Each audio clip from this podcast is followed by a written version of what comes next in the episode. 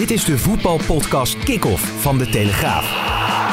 Met chef voetbal Valentijn Driessen altijd met een scherpe mening. Ik word trouwens wel heel moe van al die verhalen over die truus. Het moet een eer zijn om voor het Nederlands elftal te werken.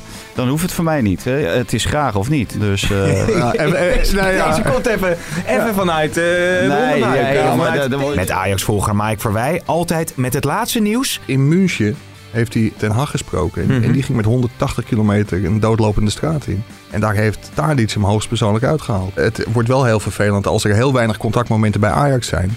En er gewoon op meerdere momenten en echt ook aantoonbaar wordt gelogen inmiddels. En ikzelf, Pim CD, probeer het allemaal in goede banen te leiden. ja, jij snapt nee, dus ook geen jij snapt van. het ook niet. Jij kan ook geen teammanager worden. Ik begin aan die fles Hey. wijn, hoor, jongens, als Hey. jullie mij zo gaan aanvallen. Elke vrijdagavond in uw favoriete podcastplayer en natuurlijk op de site en app van De Telegraaf. Het stoort mij ook vreselijk. Het stoort mij wel veel.